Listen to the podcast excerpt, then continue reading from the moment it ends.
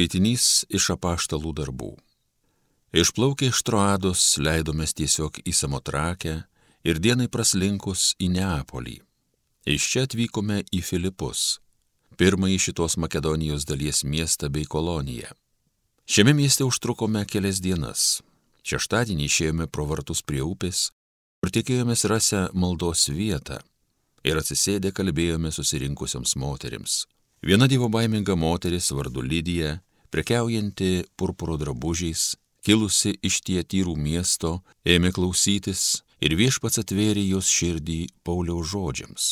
Jis su savo namiškiais prieimė krikštą ir pakvietė. Jei laikote mane viešpaties tikinčiają, ateikite ir pasilikite mano namuose. Ji tiesiog mus privertė. Tai Dievo žodis.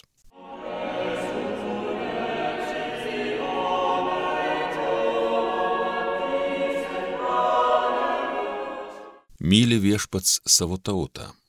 Viešpačiui naują giesmę gėdokit, garbinkit jį susibūrę šventieji, savo kūrėjų Izraelį žavėkis, džiūgaukit Jeruzalės sūnus, turėdami tokį valdovą.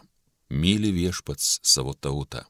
Šlovinkit viešpatį susibūrę ratelin, muškite būgnais, kankliuokit, myli jisai savo tautą, pergalę puošia silpnuosius. Myli viešpats savo tautą. Džiaugsmas garbė jums šventieji, linksmybė jūsų buveiniai, valiuodami garbinkit Dievą, tai jums garbė bus Dievo šventieji. Myli viešpats savo tautą.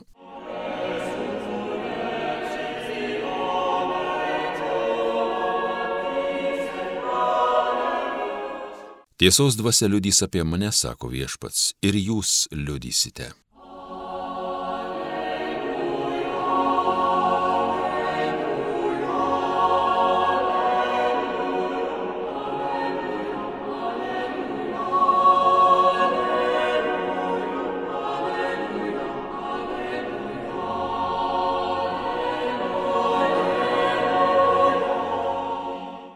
Iš Ventosios Evangelijos pagal Joną. Jėzus kalbėjo savo mokiniams, kai ateis globėjas, kurį jums atsiųsiu nuo tėvo, tiesos dvasia, kuri eina iš tėvo, jis toliau liudys apie mane. Ir jūs liudysite, nes nuo pradžios su manimi esate buvę. Aš jums tai paskelbiau, kad nepasipiktintumėte. Jie šalins jūs iš sinagogų, ir netgi ateis valanda, kada jūsų žudikai tarsis atlieka šventą pareigą Dievui. Jie tai darys, nes nei tėvo, nei manęs nepažįsta. Aš jums visą šitą kalbėjau, kad jūs siautėjimo metui atėjus atsimintumėte, jog buvau jūs įspėjęs. Tai viešpatie žodis.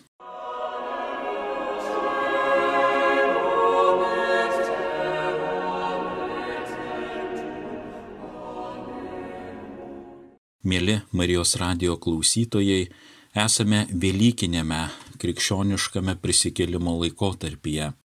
Ir šiuo metu skaitoma Jono Evangelija, kuri yra išskirtinė nuo likusių trijų vadinamų sinoptinių Evangelijų - Mato, Morkaus ir Luko.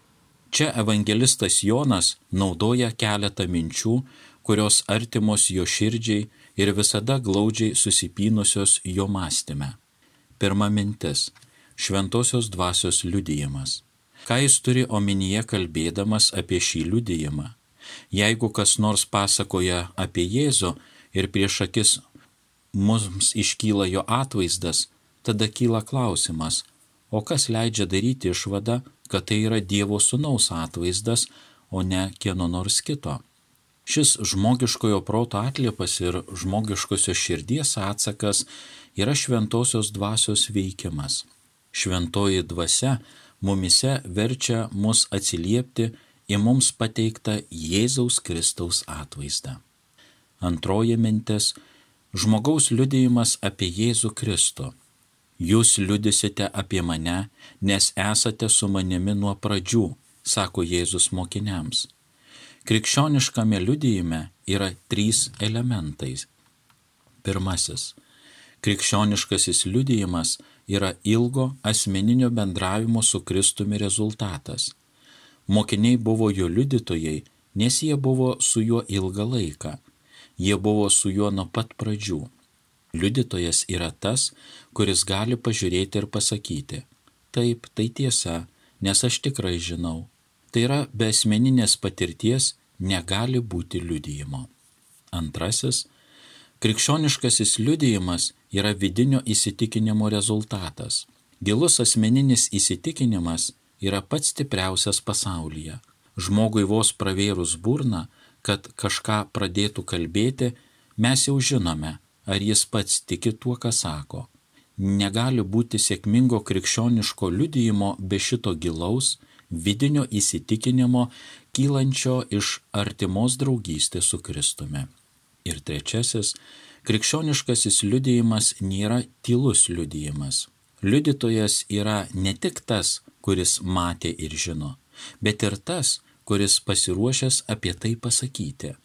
Kristaus liudytojas tai žmogus, kuris ne tik pažįsta patį Kristų ir juo tiki, bet nori, kad ir kiti jį pažintų bei juo įtikėtų. Taigi, apibendinant šios tris elementus, mes turime pranašumą ir mūsų pareiga bei atsakomybė būti Kristaus liudytojai šiame pasaulyje.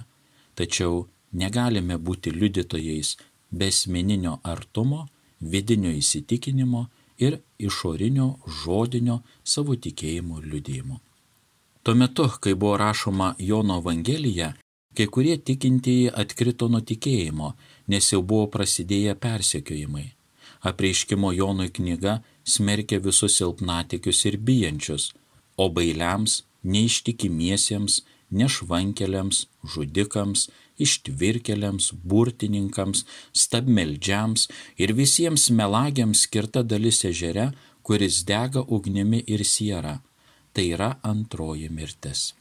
Kaip linijus Bitinijos prokonsulas tikrino žmonės, kad sužinotų, ar tarp jų nėra krikščionių, jis parašė laišką imperatoriui Trajanui, kuriame pranešė. Kai kurie prisipažino, kad buvo krikščionėmis, tačiau dalis nustojo būti jais prieš daugelį metų, o kai kurie net 20 metų. Taigi net tarp ankstyvosios bažnyčios narių buvo ir tokių, kurių tikėjimas nebuvo pakankamai stiprus, kad atlaikytų persekiojimus. Jėzus tai numatė ir iš anksto įspėjo. Jis nenorėjo, kad vėliau kas nors pasakytų, jog nieko nežinojo apie persekiojimus, kai tapo krikščionimi. Jėzus padovanojo žmonėms šlovę, bet kartu ir kryžių. Jėzus kalbėjo apie dviejų rūšių persekiojimą, kuris ištiks jo mokinius. Jie bus pašalinti iš sinagogo, o tai buvo labai svarbu žydui. Sinagoga, Dievo namai, vaidino svarbu vaidmenį žydo gyvenime. Kai kurie rabinai sakė, kad malda, kuri nebuvo įsakyta sinagogoje, negali būti sėkminga. Tačiau buvo daugiau nei tai. Labai gali būti, kad puikus mokslininkas ar teologas gali apseiti be žmonių draugijos. Jis gali gyventi vienas, pasinėręs į savo darbus ir mintis. Tačiau mokiniai buvo paprasti žmonės ir jiems labai reikėjo bendravimo. Taipogi jiems reikėjo sinagogos ir jos apieigų, kadangi buvo žydai. Jiems būtų buvę sunku išgyventi atskirimą ir visišką bendravimo su kitais žmonėmis nutraukimą. Tačiau kartai žmonėms būtų gerai įsisamoninti, ką pasakė Žana Dark - geriau būti vienai su Dievu. Kartais bendrystė su Dievo kaina yra vienatvė tarp žmonių. Jėzus taip pat sakė, kad žmonės galvos, jog jie tarnauja Dievui, kai persekios jo mokinius. Čia vartojamas lotiniškas žodis latrėja, reiškintis kunigo tarnystę prie Dievo altoriaus šventykloje ir apskritai tai yra įprastas žodis bet kokiai religiniai tarnystė apibūdinti. Viena iš religijos tragedijų buvo ta, kad žmonės dažnai mane, jog tarnauja Dievui, persiokėdami tuos, kurios laikė eretikais. Niekas nebuvo taip tikras, kad tarnauja Dievui, kaip Paulius, kai bandė ištrinti Jėzaus vardą iš istorijos puslapio ir sunaikinti jo bažnyčią. Štai kai jis apie save sakė apaštalų darbų knygoje, kuomet įtikėjo Kristų. Kitados ir aš maniau, kad mano pareiga visais būdais kovoti su Jėzaus Nazariečio vardu. Aš taip ir dariau Jeruzalėje. Gavęs iš aukštųjų kunigų įgaliojimus, daugybę šventųjų įmesdinau į kalėjimus, o kai jie buvo žudomi, pritardavau. Dažnai įvairiose sinagogose grasinimais verčiau juos pikdžodžiauti ir besaiko prieš juos įtūžęs persekėjau net svetimuose miestuose. Ispanijos inkvizicijos kankintojai ir teisėjai paliko prastos reputacijos įrašą bažnyčios istorijoje, tačiau tuo metu buvo visiškai tikri, kad elgesi teisingai ir tarnauja Dievui, kankindami eretikus ir juos versdami priimti tai, ką jie laikė tikruoju tikėjimu. Jų nuomonė, jie gelbėjo juos nuo pragaro. Tai vyko todėl, kad, kaip sakė Jėzus, jie nepažino tikro ir gyvojo Dievo.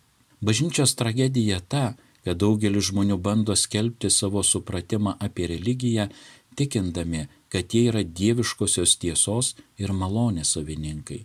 Baisiausia, kad visa tai tebe vyksta mūsų dienomis ir tai yra didžiausia kliūtis visų bažnyčių vienybei. Persiekėjimo visada bus. Nebūtinai su žmogžudystėmis ir kankinimais, o su pašalinimu iš Dievo namų, jei tik žmonės ir toliau manys, kad tik jie pažįsta kelią pas Dievą. Jėzus žinojo, kaip elgti su žmonėmis. Jis tarsi jiems sakė, siūlau jums sunkiausią užduotį pasaulyje, kuris užeis jūsų kūną ir draskys sielą Ar esate pakankamai drąsus ir ištvermingi visą tai priimti? Jėzus siūlė tuomet ir šiandien siūlo nelengvą kelią, tačiau kita vertus šlovės arba garbės kelią. Jis trokšta, kad tie, kurie yra pasirengę atsiliepti jo kvietimą, drąsiai žengtų į priekį dėl jo vardo. Amen. Aleliuja.